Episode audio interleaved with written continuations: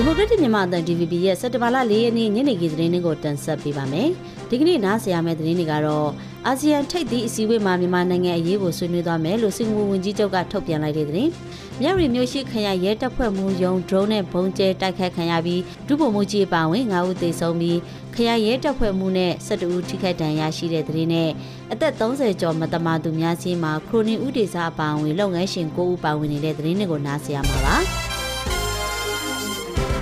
အင်ဒိုနီးရှားနိုင်ငံဂျာကာတာမြို့မှာကျင်းပမယ့်အာဆီယံထိပ်သီးအစည်းအဝေးမှာမြန်မာနိုင်ငံရေးနဲ့ပတ်သက်ပြီးဆွေးနွေးဖလှယ်သွားဖို့ရှိတယ်လို့စင်ကာပူဝန်ကြီးချုပ်ရဲ့စက်တဘာလ၄ရက်ဒီကနေ့ထုတ်ပြန်ချက်မှာဖော်ပြပါရယ်။စက်တဘာလ9ရက်နေ့ကနေ9ရက်နေ့အထိဂျာကာတာမြို့မှာ3ရက်တာကျင်းပမယ့်43ကြိမ်မြောက်အာဆီယံထိပ်သီးအစည်းအဝေးမှာအာဆီယံခေါင်းဆောင်တွေအနေနဲ့မြန်မာနိုင်ငံရဲ့အခြေအနေတွေပါဝင်ဒေသတွေနဲ့နိုင်ငံတကာဖွံ့ဖြိုးတိုးတက်မှုအပေါ်မှာအမြင့်ချင်းဖလှယ်ကြမယ်လို့လည်းထုတ်ပြန်ချက်မှာဖော်ပြပါရယ်။ မြမအရေးကိုဖြည့်ရှင်းဖို့အာဆီယံကညီညီညွတ်ညွတ်နဲ့လှုပ်ဆောင်သွားဖို့အင်ဒိုနီးရှားနိုင်ငံအနေနဲ့ကြိုးပမ်းဆောင်ရွက်သွားမယ်လို့အင်ဒိုနီးရှားနိုင်ငံသားရေးဝန်ကြီးရက်နိုမာဆူဒီကလည်းဒီကနေ့ကျင်းပတဲ့အာဆီယံနိုင်ငံသားရေးဝန်ကြီးများအစည်းအဝေးအဖွင့်အမိန့်ခွန်းမှာပြောပါတယ်။အာဆီယံထိပ်သီးခေါင်းဆောင်တွေဟာ26ကြိမ်မြောက်အာဆီယံထိပ်သီးအစည်းအဝေး18ကြိမ်မြောက် အာဆီယံထိပ်သီးအစည်းအဝေးတွေအပြင်ဩစတြေးလျကနေဒါတရုတ်အိန္ဒိယဂျပန်တောင်ကိုရီးယားနဲ့အမေရိကန်နဲ့ကုလသမဂ္ဂစတဲ့မိတ်ဖက်နိုင်ငံအဖွဲ့အစည်းတွေနဲ့လည်းတီးခြားအစည်းအဝေးတွေကျင်းပမှာဖြစ်ပါတယ်ဒီအစည်းအဝေးမှာတရုတ်နဲ့အာဆီယံနိုင်ငံတချို့နဲ့အငင်းပွားနေတဲ့တောင်တရုတ်ပင်လယ်နဲ့ကိစ္စနဲ့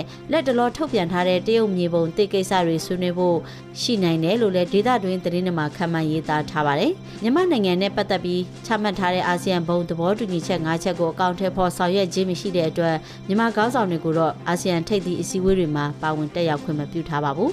အသက်30ထက်မတမာသူများစီးရင်ကို Justice for Myanmar အဖွဲ့ကထုတ်ပြန်လိုက်ပြီးအဲ့ဒီတမှာခရိုနီဥဒေစာပါဝင်လုပ်ငန်းရှင်9ယောက်အကြောင်းကိုထည့်သွင်းဖော်ပြလိုက်ပါတယ်။ဒါဟာမြန်မာစစ်ရာဇဝတ်ကောင်တွေစီဗန်နာဝင်နဲ့စစ်လက်နက်တွေပေးအပ်နေတဲ့တထေးကြီးတွေကိုပိတ်ဆို့ဟန်တာရေးစင်ကာပူနိုင်ငံကိုဖိအားပေးဖို့အတွက်နာမည်ကျော် Ford Magazine ရဲ့ Ford 30 Under 30ကိုတူယူပြီးတော့တယောရှုံချတဲ့အနေနဲ့ထုတ်ပြန်လိုက်တာပါ အခုထုတ်ပြန်လိုက်တဲ့ဝိသမထုတ်ကောင်လုပ်ငန်းရှင်၉ယောက်ထဲမှာတော့မြန်မာနိုင်ငံတွင်းရက်ဆက်ကြမ်းကြုတ်မှုတွေအစုလိုက်ပြုံလိုက်တပ်ဖြတ်မှုတွေနဲ့စစ်ရာဇဝတ်မှုတွေအတွက်ငွေကြေးထောက်ပံ့နေပြီးစင်ကာပူနိုင်ငံမှာစီးပွားရေးလုပ်ငန်းတွေဆက်လက်လှုပ်ဆောင်နေကြတဲ့ကြွယ်ဝမှုအမြောက်အများပိုင်ဆိုင်ထားသူတွေဖြစ်ကြတဲ့ထူးကုမ္ပဏီများအုပ်စုတည်ထောင်သူဥက္ခရာတေဇ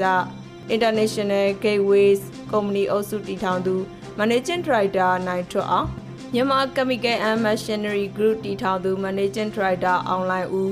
Dynasty ကုမ္ပဏီအုပ်စုတည်ထောင်သူ Director အောင်မိုးမြင့် Star Sapphire ကုမ္ပဏီအုပ်စုတည်ထောင်သူ Managing Director ထွန်းမလက် Asia Sun ကုမ္ပဏီအုပ်စုတည်ထောင်သူ Director ခင်ဖြူဝင်း KT Group အမှုဆောင်ရာရှိချုပ်ဂျိုနသန်မျိုးကျော်တောင်း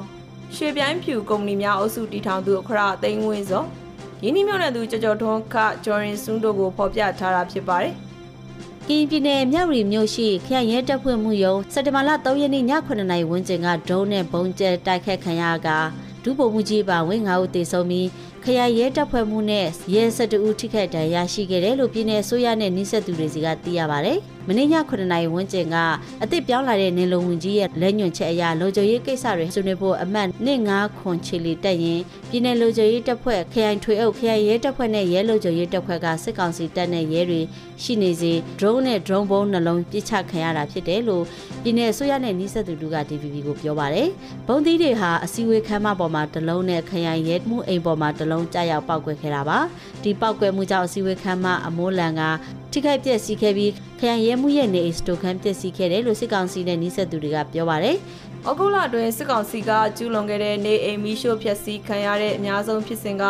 စကိုင်းတိုင်းတွင်းမှာဖြစ်ပွားခဲ့ပြီးအကြိမ်ရေ28ကြိမ်မှာနေအိမ်1128လုံးစာတင်ကျောင်းတစ်ကျောင်းဘာသာရေးအဆောက်အဦတစ်လုံးစေယုံတယုံရှိခဲ့ကြပြီးမီးရှို့တပ်ပြတ်ခံရသူ၄ဦးထိရှိခဲ့တယ်လို့ NUG ကထုတ်ပြန်ပါတယ်။ မြို့သားညီညွတ်ရေးဆိုရ NUG ပြည်ထောင်နဲ့လူဝင်မှုကြီးကြပ်ရေးဝန်ကြီးဌာန MOHA ကမိသက်ဦးစီးဌာနမှ2023ခုနှစ်ဩဂုတ်လအတွင်းအကြမ်းဖက်စစ်ကောင်စီကကျူးလွန်ခဲ့တဲ့မီးရှို့ဖျက်ဆီးမှုတွေကိုစင်းပြုစုပြီးစက်တင်ဘာလ3ရက်နေ့ကထုတ်ပြန်ကြေညာခဲ့တာပါ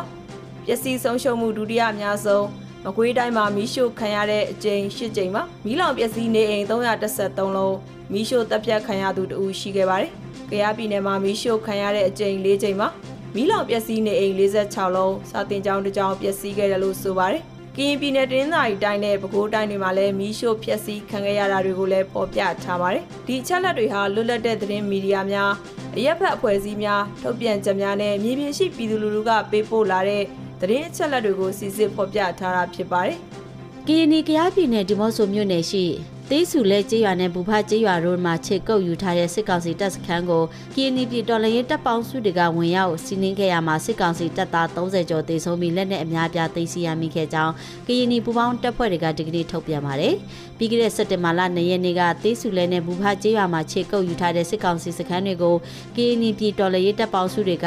ဝင်ရောက်စီးနင်းချေမှုန်းတိုက်ခတ်ခဲ့တာလို့ထုတ်ပြန်ထားပါတယ်။မနေ့9နာရီကနေ9နာရီအထိဖြစ်ပွားခဲ့တဲ့ဒီတိုက်ပွဲအတွင်းစစ်ကောင်စီရဲ့စကခနေလက်အောက်ခံခလာရကိုဒုတက်ရင်မူရဲလင်းနိုင်ကသူ့လက်အောက်ရှိအရာရှိတပ်သားတွေကိုအသေးခံပစ်ခိုင်းပြီးသူကတော့ကိုလူယုံထွက်ပြေးသွားခဲ့ကြောင်းဒီတိုက်ပွဲတွေအတွင်းသူတို့တပ်ဖွဲ့ဝင်30ကျော်တေဆုံးခဲ့ကြောင်းဖော်ပြပါဗျ။